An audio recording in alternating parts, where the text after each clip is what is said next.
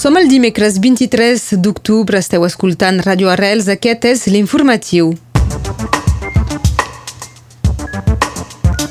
Les pluges i les tempestes provoquen problemes en algunes carreteres i també inundacions. La prefectura anuncia que els trens entre Perpinyà i Vilafranca tornarien a funcionar a la primavera. L'equip tècnic dels dracs catalans renova per tres temporades.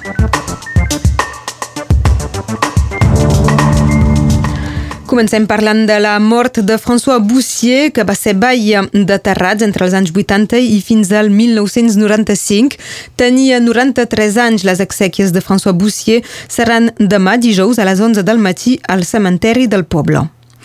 De moment no ha plogut eh, tant com era previst, però les quantitats són importants i encara s'esperen temporals forts al llarg d'aquest matí.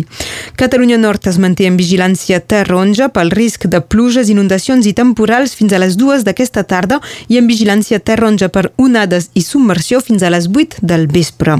Fem un punt de la situació a les carreteres aquesta matinada amb l'Albert Noguer. A les 4 del matí, Meteo France havia comptat fins a 80 mil·límetres de cúmul de pluja en 24 hores, menys que previst fins ara, però s'esperen temporals al llarg del matí, temporals que podrien descarregar de 50 a 100 mil·límetres suplementaris, sobretot abans d'aquest migdia.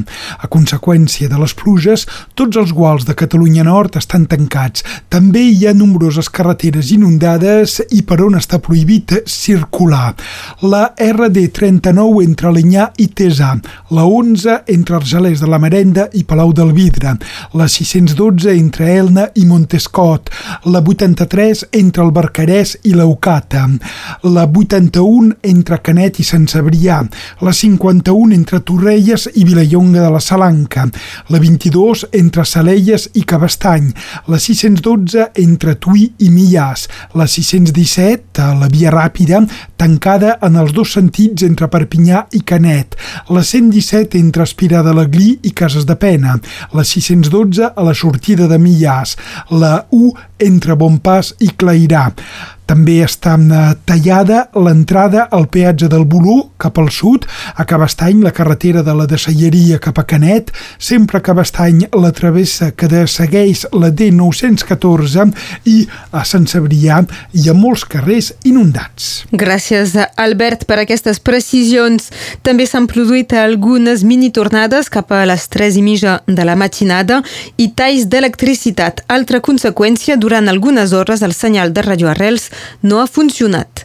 Les mesures de precaució segueixen vigents. Es recomana d'evitar els desplaçaments que no siguin necessaris i de no apropar-se dels rius. A Catalunya Sud també hi ha hagut moltes afectacions per aquestes precipitacions, en particular dues persones desaparegudes a Vilavert, a la conca de Barberà.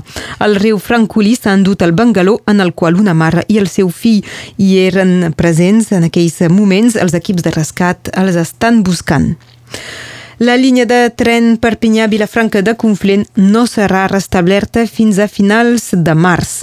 Ho indica la prefectura que explica que és el temps necessari per la SNCF per realitzar totes les operacions necessàries abans de poder fer circular trens sobre aquesta línia que haurà estat tancada durant més de dos anys. La setmana passada, la justícia que examina les condicions de l'accident mortal entre un tren i un autobús escolar al pas a nivell de Millas el desembre del 2017 va restituir la línia a la SNCF. Ja han començat les inspeccions de la línia, però la SNCF ha decidit, gràcies al finançament de la regió Occitanie, de realitzar obres de millora sobre la línia abans de la seva reobertura. Aquestes obres preveuen també una millora del pas a nivell 25 al lloc on es va produir l'accident.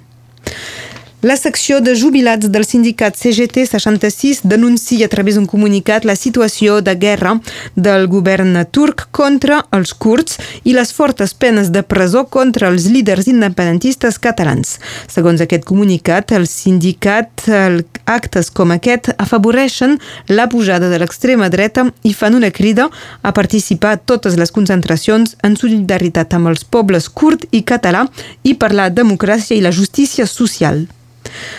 Al Parlament de Catalunya, els tres partits independentistes, Junts per Catalunya, ERC i la CUP, han pactat un text de 15 punts en què s'exigeix la llibertat dels presos. També es denuncia la censura que el Tribunal Constitucional espanyol pretén imposar al Parlament i reivindica els drets dels diputats a poder debatre sobre tot, inclòs el dret a l'autodeterminació, la monarquia o la sobirania. L'intenció d'aquesta resolució és que es debati i es voti al Parlament Parlament en el ple que es farà després de les eleccions del 10 de novembre. És una resposta conjunta de rebuig a la sentència del Tribunal Suprem contra els líders independentistes condemnats per sedició el Brexit haurà d'esperar encara. El Parlament britànic ha blocat els plans del primer ministre del Regne Unit, Boris Johnson, per aprovar l'acord del Brexit per la via ràpida. Una majoria de la cambra ha donat llum verd aquest dimarts al projecte de llei per sortir de la Unió Europea, però ha imposat una tramitació llarga. Aquest calendari buscava accelerar els passos per garantir la sortida de cara al 31 d'octubre, un termini que la cambra britànica considerava insuficient per analitzar a fons els termes de l'acord i avaluar-ne l'impacte econòmic. Johnson havia amenaçat de retirar la proposta legislativa i forçar unes noves eleccions si perdia aquesta votació. Passem als esports. En futbol, el Barça juga aquest vespre a les 9 al camp de l'Eslàvia de Praga en la tercera jornada de la fase de grups de la Lliga de Campions. Actualment, els blaugrana són co-líders del seu grup amb 4 punts juntament amb l'Inter de Milà. I en rugby a 13, l'entrenador Steve McNamara i el seu equip tècnic ha renovat el seu contracte amb els dracs catalans per 3 temporades, és a dir, fins l'any 2022.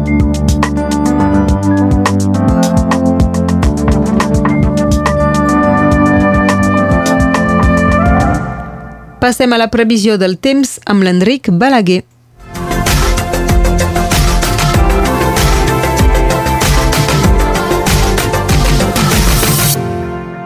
La pujada d'aire calent i humit que ve del Mediterrani provoca aquest episodi plujós que estem vivint. La intensitat de les precipitacions està minvant i a la tarda tornarem a veure el cel a través de les clarianes. Tanmateix, no es descarta alguns ruixats. Res de normal per les temperatures. Un cop calmades les pluges, els valors fregaran els 20 graus a la plana del Rosselló o a la costa. Seran una mica més fresques a la muntanya. Ens espera 13 a Sallagosa, a Cerdanya, com a Real, al Capcí, 18 a Eus o a Fullà, al Conflent, 16 a Serrallonga i 15 a la Manera, al Vallespí, 21 a Cornellà de la Ribera i a Clairà, a la Saranca, 18 a Codiers de Fonolleda. El 23 d'octubre de 1967, el general de Gaulle visita Saint-Sébrià per constatar l'avenç de l'abenatjament del litoral en el marc de la missió Racina. Avui és Santa Ibeta i és el dia de la vinguda dels Sants a Arles. El refran del dia, quan a l'octubre trona, neu dona.